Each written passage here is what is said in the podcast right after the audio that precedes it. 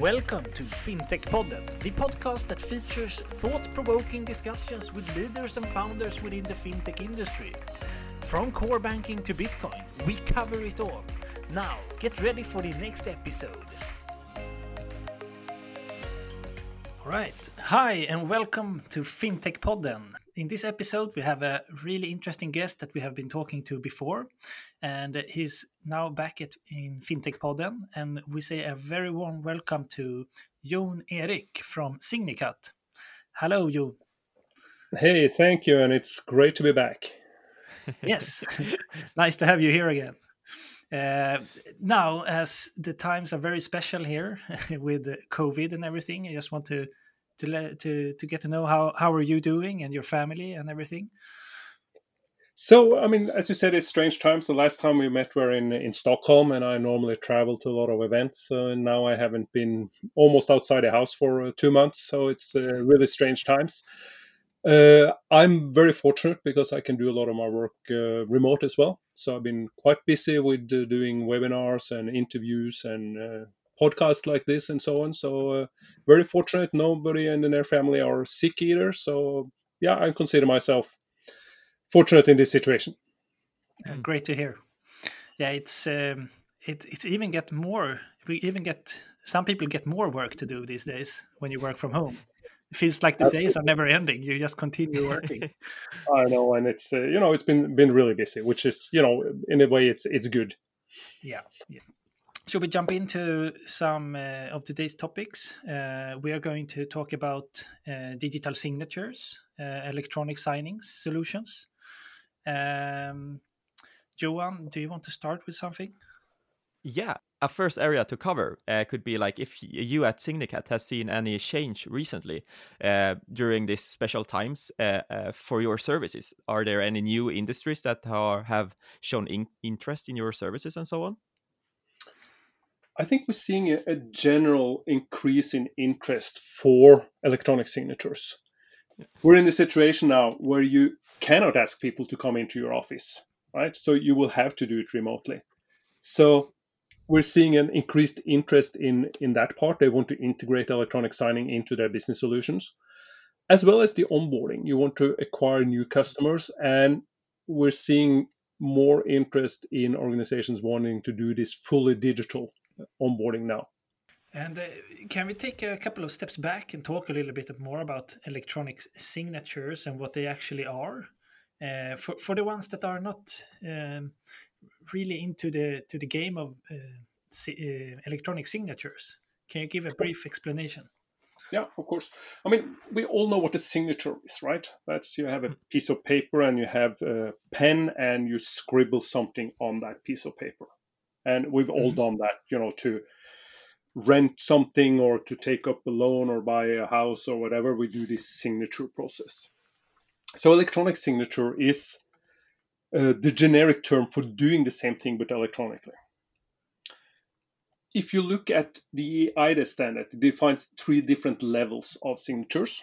So the simplest one is just called electronic signature, which is any means of digitizing the signature. And this could be having an app which replicates your handwritten signature uh, on the screen.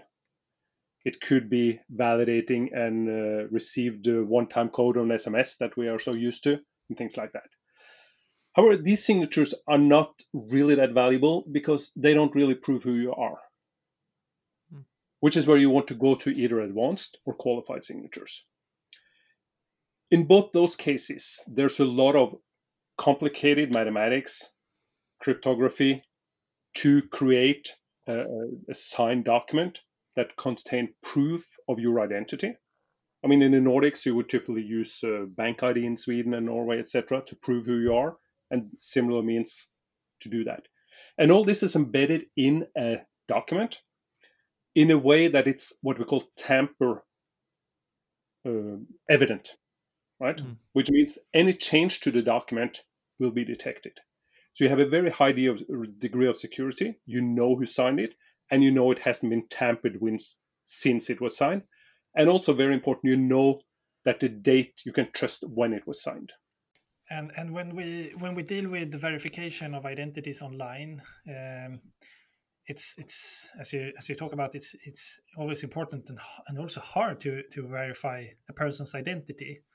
And uh, we have the the EID Uh, in, in in in Europe and in Nordic countries but how does how does that actually work and and how can we be sure that that the person on the other side is actually who they are so that, that's one of the biggest challenges we are facing these days who are you dealing with? How can you trust that they are who they say are?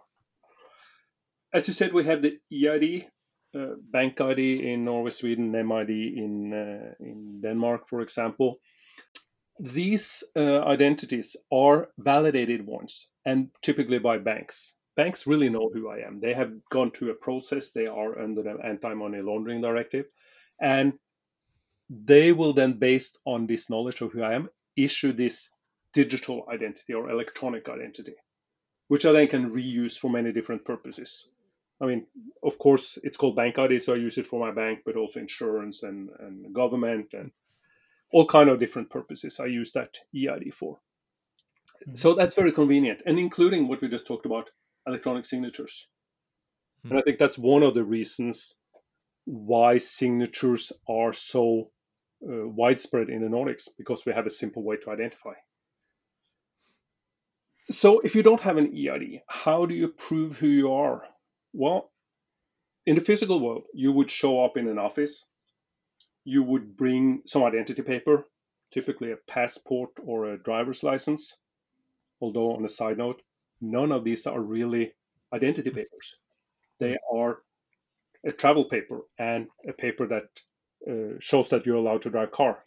But they have become identity paper because they are tamper uh, resistant. It's difficult to fake them, and they have your picture, etc. So that's what you would do in the physical world. So in the digital world, we will try to do the same thing. You will show your identity paper, and you would have a picture of yourself.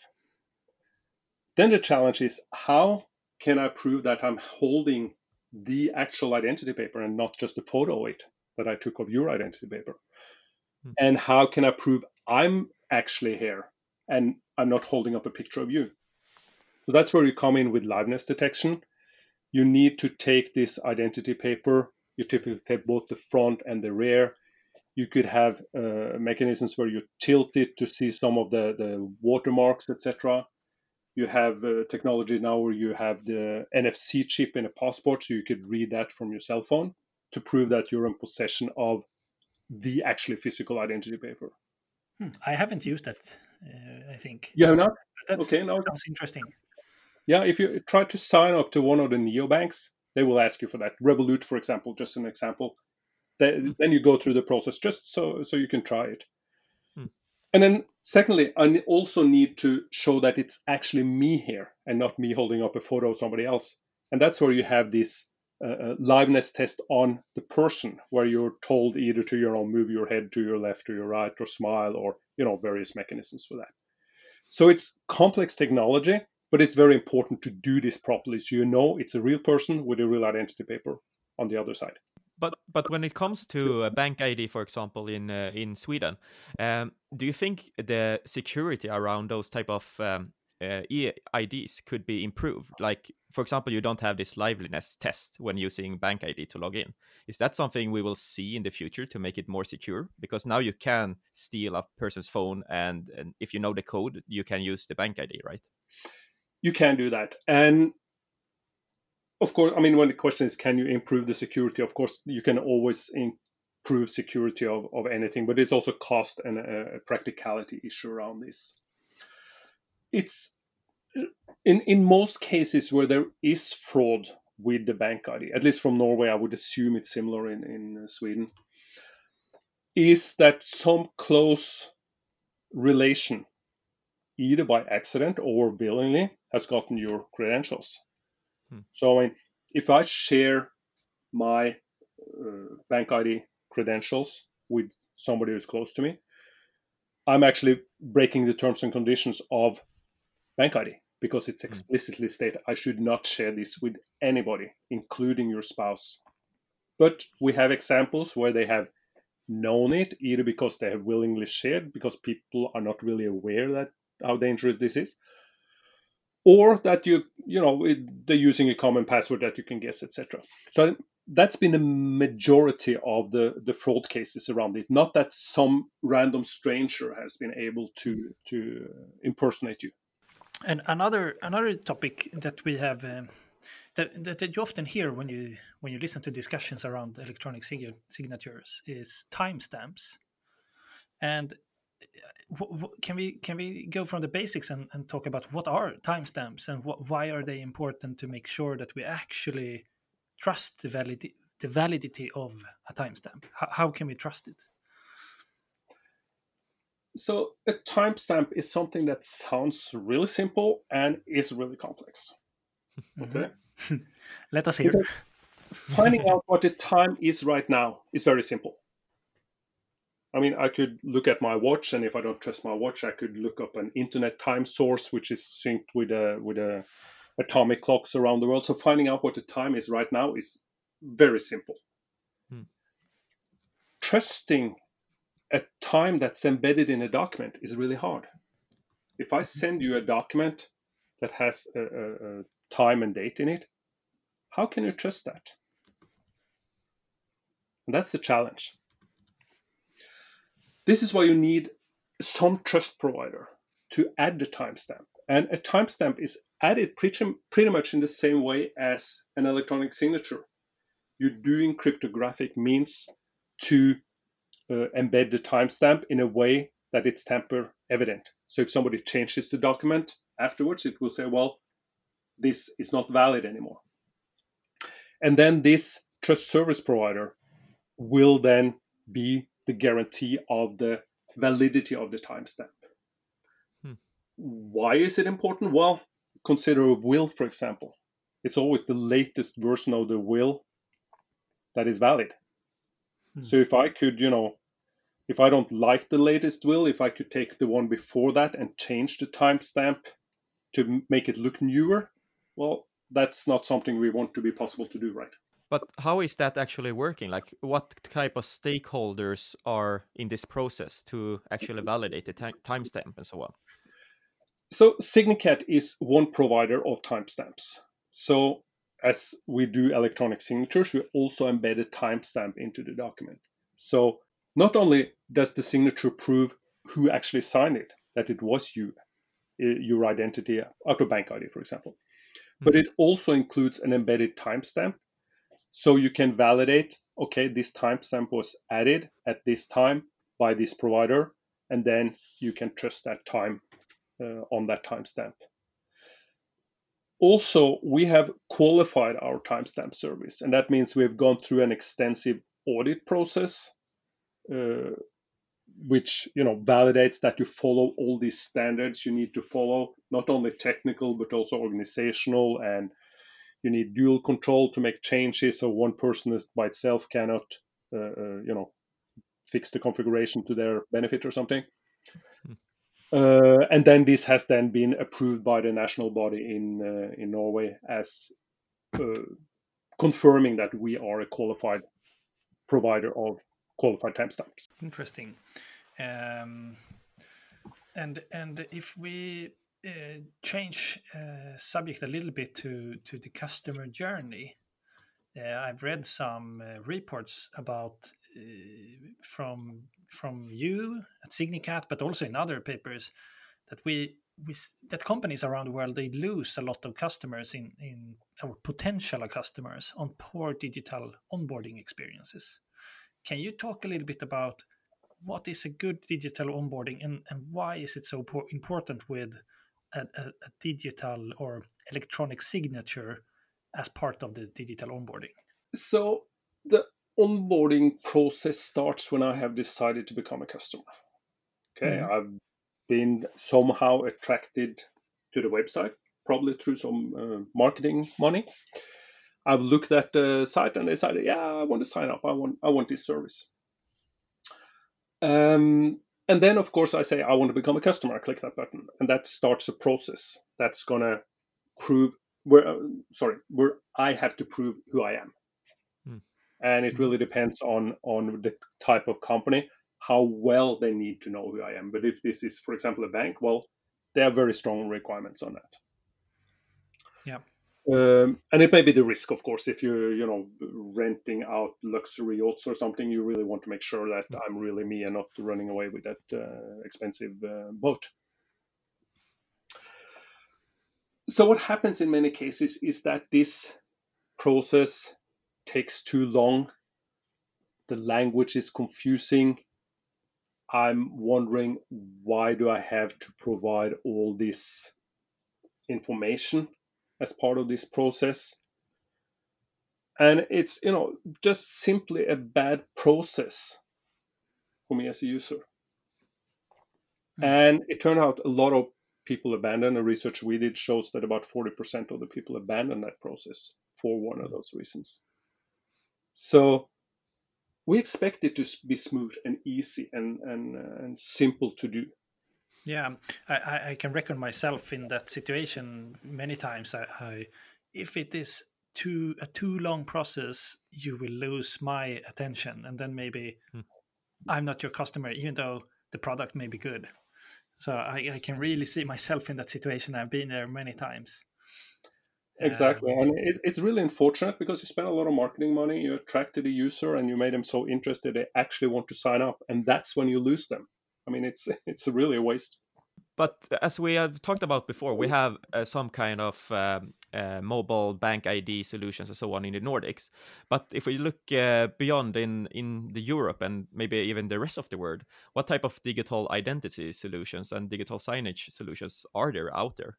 As for electronic identity, Nordics are in the forefront. Of course, we have uh, Estonia as well, which is probably the most digitized country in the world and, and is doing a lot there. I, I consider them sort of a special case. They're a, small country. Uh, while in the Nordics, 26 million people, we have about 90% coverage. We use them about four times uh, per week. Hmm so we, we are in the forefront. We see, however, that the Benelux region is coming now with similar types of solution. In the Netherlands, you have one bank. Uh, I, I, call it a bank ID. It's called IDIN. It's a government ID called DigID. So it's still two different ones. But personally, I think something's going to change uh, over time there. So you will be able to use the, the IDIN for both. Uh, Belgium has uh, It's Me, for example, which is uh, being used a lot we're seeing uh, initiatives in Germany. They do have a, a, government EID called NPA, Neue Personalausweis, which everybody has, but nobody uses because they don't not really any good use cases. So that's a challenge with that. But we see also some uh, private initiatives coming up in Germany, Yes and uh, Verimi, which are also electronic identities like this. And we see some others as well but the challenge with this is that all of these are based on a central uh, uh, authority and and and trust in that. And the further you get from these countries i mentioned now the lower the trust. And when the mm. trust is low it's really hard to establish an eid like this. Mm. And uh, one thing that i've been thinking a bit about is um, did you have any interesting cases where you say Signicat have helped any any clients? Do you have? Uh, can, can you talk around uh, some specific case? We have a very good cooperation with Rabobanks in the Netherlands. They have been really innovative. Uh, they have realized that their main business is trust, and trust is mm-hmm. not only about money. Of course, trust is very important for money, but this can also be extended to identities. And this is something I've been trying, you know, to talk about to banks, saying, well, you need to, to take a step back and, and consider identity as well. And Rabobank has been doing that and are offering identity services as a bank, which is quite interesting. And mm. they already see a lot of savings in the onboarding part, etc., on that. And also we have other uh, companies, for example, again mention uh, the Netherlands because we you know we're really strong in the Nordics, but we're, we're starting to gain some traction outside. So a Dutch um, uh, insurance company called Aegon, which is pronounced different in uh, Dutch because they have the G in there. Um, they have you know reduced the onboarding time from four days to 30 seconds. Hmm. Wow! Because they're used to having to send papers back and forth in the post and stuff. Now all is digital, and they hmm. also say they have saved, you know, 2,400 kilos of paper as part of it. which, which is really good, right? We're saving time, we're saving money, it's more sustainable. Yeah. Yeah, yeah, yeah. Good for the environment. Exactly. Uh, I, I, have not used the Rabobank myself, but I've read about it. It seems to be a really interesting bank, and and uh, yeah, I, I think uh, the, the onboarding gets more and more important when when we see trends like open banking and with mm. PSD2. I think we can talk a little bit more about those trends later, but but when when people get when it becomes more easy to change a bank, it's it sounds to me like it must be much more critical with a good onboarding and a, and a solution that that can help that. Yeah, hmm. It definitely is, but it, it's it's still interesting though. I mean, in in the Nordics where we have bank ID, still mm-hmm. people mm-hmm. are pretty loyal to their bank. It's it's really easy for me to change bank. I, I go to the mm-hmm. new bank website, I log in with bank ID, and I'm a customer. That's pretty much it. Still, most customers are loyal to their bank and don't change very often. And also back to the user experience, even though I made it sound very simple, you just use Bank ID, I can confirm the confusing language part because I've mm-hmm. tried to do it just to, to see how it was, the user experience, and it was really confusing. But looking into the electronic signage area again, like we, we have talked a lot about Bank ID, but are there other type of uh, mm, tools that you can use to do a electronic signage? Uh, could you use like a SMS verification or an email or a social login? Are there any use case for those other type of tools as well here? So it depends on how sure must you be of the user's identity. Hmm. It, it's back to that. So if you have a high risk or you have regulatory requirements, well, you need to be pretty sure that I am who I say I am. Right? Of course, depending on the legal system, uh, there are different legal requirements to this. Hmm. So you could add a signature by saying, okay, provide your telephone number. We send you a one time password and you use that one. At least hmm. you confirm that you have access to that phone. It doesn't really prove your identity, but it proves access to your phone. And again, depending on the risk, that might be good enough right? Mm. And the same thing also with the scribble on the screen could be good enough. Just to, to, to stop at that for a second. I mean, I think this scribble thing is interesting from a ceremony point of view, right? Mm. Because from from a human perspective, when we talk about signatures, we all envision moving your hand, you know, to form some more or less readable name. Right? That's that's what we consider a signature. Uh, clicking buttons is for most people not signing. Hmm. So I see in some cases it really makes sense to combine using. I mean, if it's a high value thing, I'm signing on a big thing. It would make sense to okay, I identify using Bank ID, for example, and I sign in addition I sign with my handwritten on the screen, just as a proof to, to, to validate that I really understand that I'm signing something. I'm committing to something because that's what a signature is, right? I'm committing to something. Yeah, that is super interesting. Now, when I think about it, I just signed a contract for some weeks ago, and it was this sign on screen, and it didn't feel that secure, but there and then it felt like I did a commitment to this contract. I will do this, but it was just a scribble uh, on the screen, as you said, but it felt very big for me when I signed it. Right. And it, it I mean, it's also important that it, it, could be part of the context, assuming that you have already logged into the website, right? Hmm they already know your identity because you're logged in by means that proves who you are. Then, of course, this scribble would be sufficient because you are already identified. This is just sort of your confirmation that you are signing. Hmm.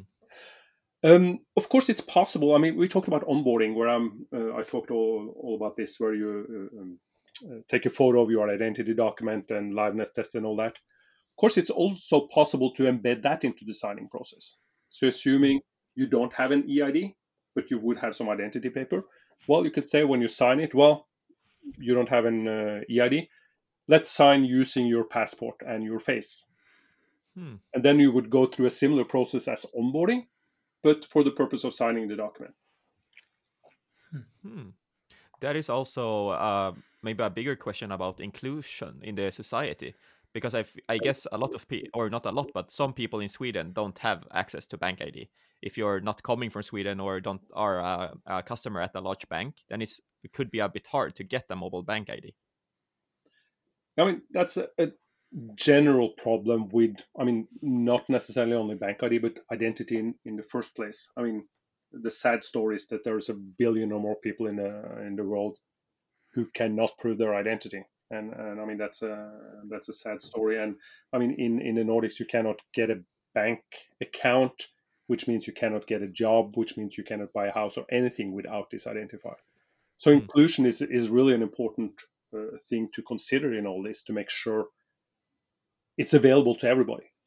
Are like the society in the nordics are they adopting this type of like alternative signature? I guess like maybe in this situation with the corona if it got even worse and the bank branches closed down totally and we had this type of person that, wanted to start up an, uh, a bank account and get the bank id and so on could that be done uh, in another way with help of your services for example yes i mean you would be able to onboard the user uh, by the means I, I, I explained by, by mm. you know showing your identity paper, etc. However, I mean, how if you think back when when you got your first bank ID, how did that happen? How did you get it? Hmm. It was at the branch office. Exactly.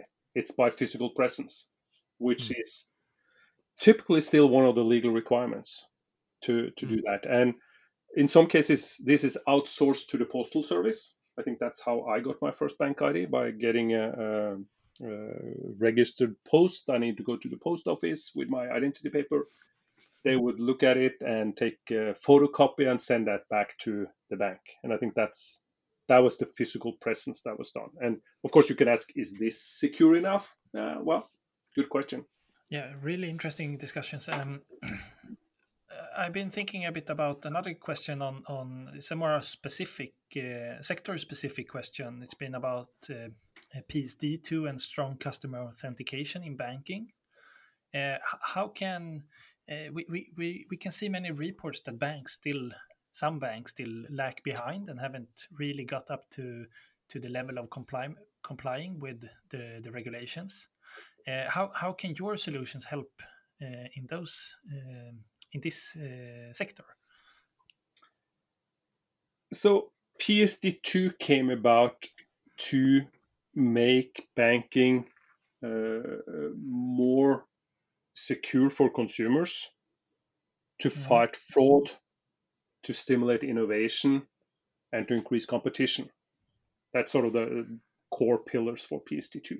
So there's a lot to PSD2 among uh, one thing is, for example, the banks are required to open up access to monetary data, account data, to create APIs to access that. This, of course, then comes back to an identity problem. You must make sure that only I can access my accounts and you can access your accounts. And this must be done in a secure way, so I know it's really you doing this. And this is where SCA came in. SCA is part of PSD2. SCA mm-hmm. stands for Strong Customer Authentication. And that means you need at least two different factors of something you know, something you have, and, and something you are. So typically, this would be a, a username and password. The password is something you know. And then, very normal today is either to have a, a code dongle with your bank that gives a, a, code you type in, or you get this code by SMS. Mm-hmm. That would be the second factor. So, again, coming from the Nordics, I mean, of course, we've done two factor for many, many years. I don't remember when, uh, I think, whenever I've done internet banking, it's always been a second factor via code card or, or something, not only username password. Yeah. But if you go outside, I mean, I was in a panel with a guy from France just before Christmas when we were still allowed to travel. So hmm. I was in France on a, at a conference and we discussed this. And, you know, I, I made a point out of this. Well, we're using two factors. And he told me, well, I log into my bank with only username and password. Hmm. And I was, really? That's shocking. Yeah. Yeah, for us it is because we're so used to using the second factor. But this Yeah. is not normal everywhere. A lot of places it's still like that. Of course, PSD2 puts requirement it has to be two factors. Uh, so it is coming. So so I mean and, and that's the part we are involved in. We're not doing banking, we're not helping the banks with uh, opening up the APIs and doing all that sort of thing. But we uh, can assist if you need help with with the identification with the login part of this to have strong authentication. Just one remark, by the way, I mentioned you could get a one-time code for SMS. It's important to know that that's not really sec- considered secure anymore. NIST mm-hmm. in the USA and EBA in Europe both had discourages use of this because it is possible and it's not even difficult if I want to do a targeted attack to catch the SMS coming back to you and mm-hmm. being able to use it. Hmm. Yeah, I've read of those situations where, where it has happened for some people, Yeah. sort of like uh, cap, cap, catching the, the SMS code very quickly Mhm. and then steals the, the login or what you can say. Right. But still, that's being used a lot because it's so simple, so convenient, doesn't require anything from the user side and, and so on. So it's still used and it still will be for quite some time, I think. So when we talk about um, EIDs and, and other standardizations, uh, when we're, we're in the process of global standards, will you say that we are today and Europe and local and, and broadly? So standards are important. I mean, I've always been a big fan of, of standards. And I mean, we think that standards is a new thing. And uh, I did some background check, and you know, the first standards were for more than 3,000 years ago in a South Asian uh, civilization called the Harappan civilization. They had standardized size of bricks, and they had uh, also said to have standardized weights and measures. And of course, I was thinking, well, standardized bricks makes a lot of sense because I can buy bricks from two different providers of bricks, and they will fit well together because all are the same size. If you didn't have the standard, well, they would be different sizes, and it would be much harder to build a wall with them. But if we look at modern standards, I mean, they came within industrial revolution. So about 200 years ago, you wanted to have interchangeable parts. Before that, you had screws, but they were basically screwed into to wood, so it didn't matter. But when you want to have machine screws, metal, metallic screws, well, you need to agree on a lot of things to make these fit together, Mhm. like nuts and bolts. I mean, I can buy them from different vendors, and they will fit together because we have standards, which is good. There are several organizations working with standards. You have the international, the ITU, the International Telecommunication Union, and the ISO, the International Standard Organization, that come with some standards. Uh, for example, PDF is an ISO standard. Mhm. Then you have regional standards like ANSI, ETSI, and CEN, which standardize different things. So a lot of the eIDAS, uh, it would be wrong to call it eIDAS standards, but a lot of the standards that are being used to fulfill the eIDAS requirements, would be correct to say, are defined by ETSI. Hmm. And I mentioned that we had gone through an audit to become a qualified trust service provider. Well, that's following the ETSI standards. And also, I'm, I'm very proud to, to announce that one of my colleagues, Jon Elnes, is currently involved in ETSI in a, in a new standardization project, which is specifically on identity proofing. And is Because- that uh, global or is it European? ETSI is European. Yeah. Hmm. So and and so is eIDAS. It's it's I mean it's getting a lot of attention outside uh, Europe, but these are European standards. Yeah. Hmm. So if you if you look at eIDAS, and we have you know talking about onboarding, uh, eIDAS you know states well you need to know the identity of the person, and when it goes to well how do you know? Well it only vaguely specify things like physical presence or you know leave it to the national interpretation. And you know it's it's pretty vague on that specific issue which is so important which is why there is now a new standardization committee where Signicat is involved to standardize this specific uh, topic of identity proofing But will it still be applied in different uh, local schemes, or how to tell like mobile bank ID solution in each individual regions, or will it be in the future be a more broadened solution? I think, I mean, looking at uh, at um, history, I think we'll see we'll end up probably not with one standard, but with a few. Hmm.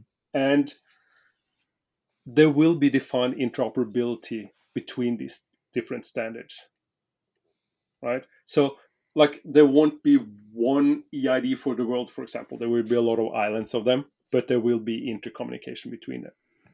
Um, eIDAS is an attempt to harmonize EIDs across Europe, and it's it's a very good standard. We're still in version one, so it still has uh, some way to go before we get there. So Right. So it's the eIDAS version one. Still room for improvement to make it better as we get some experience. There will be a version two and three, etc., of eIDAS as well that will uh, make this even better. And but like I said, eIDAS doesn't standardize the details. This is where you have the ETSI standards, which are extremely detailed down to every bit and byte in the technology down to behavior when you look at organization and things like that. So it's it's challenging to implement some of these standards, but it's important because anybody should be able to communicate with uh, anybody else. Like I hmm. probably mentioned before, I mean I compare this sometimes to the email systems back in the 80s when I was a developer and made email systems. All these different islands, hmm. and sending then email from one system to another was a big challenge both with the address formats and character sets and uh, but today it just works right we don't yeah. you you don't know what kind of email system i'm working with you just know i'm going to receive your email with attachment and everything hmm. and that's the interoperability part between because there is an agreement on that uh, how, how this intercommunication is but when we have those standards in place do you think there will be new uh, stakeholders entering this area? Like on top of my mind i see like apple or google that have so much uh, contact with the users. Would they be interesting in creating a digital identity based on one of those standards? Uh, well both of them have identities uh, not on any standard. Well there's standards on authentication etc of course so i mean you have apple uh, id which mm. is you know you can see more and more web pages you can log in with apple id as you can with google I guess the challenge today is none of those are really verified. It's very easy to create a Google account. I don't have to prove who I am.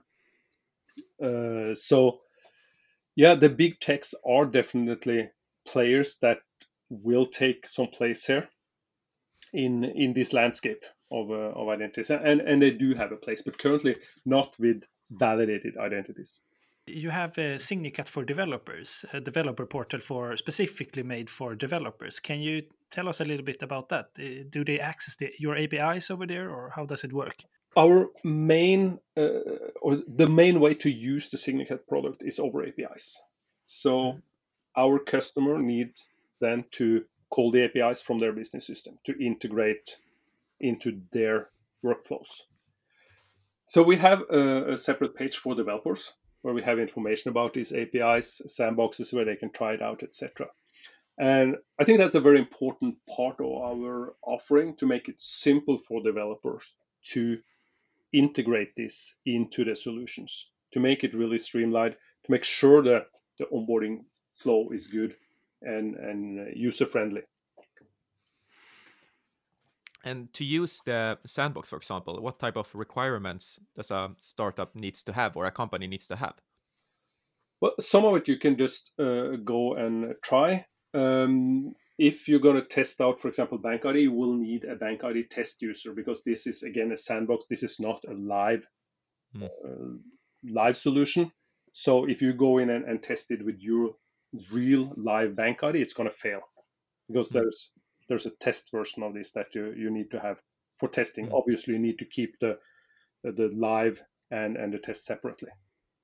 I mean, you cannot sign a document, a test document with your live ID. That could have some bad implications. I think we uh, are uh, reaching the end. Maybe we have this last one as a final pitch, the question. Um, but before that, is there any other topics you want to cover, Jon? Uh, you think we have missed or want to add or top of your mind? I mean, these are big topics, so I could, you know, talk a lot about them. But uh, I think it's it's interesting to see uh, the increased use of uh, of digital identity of electronic signatures, and also how this situation, this really strange and weird lockdown situation, how that is actually boosting the use of technology. I mean, we're, mm. I mean, in in my kind of work, I've been used to working remotely for a long time and people haven't understood it but now you could talk to anybody and they will know what it's about. So it's it's a big learning for everybody. It's an important part of digitization for a lot of organizations uh, I saw this interesting uh, uh, on Twitter, I think, where somebody asked who's responsible for your um, digitization, and there were three answers. The first answer was the CEO, the second answer was the CTO, and the third answer was COVID 19. and even though organizations have had uh, um, you know ideas about digitization this this is a boost. This is uh, is something that makes them move forward.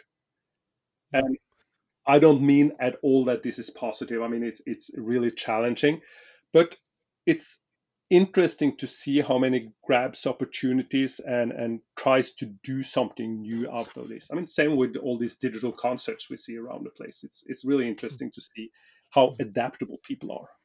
Yeah, I mean, and, I mean, it's uh, like it's big changes for many, and changes are often painful. But I, as, as the way I see it, uh, we have seen many come out and say that the the digitalization, the speed of digitalization now has we have seen like two months of two years of digitalization in just two months.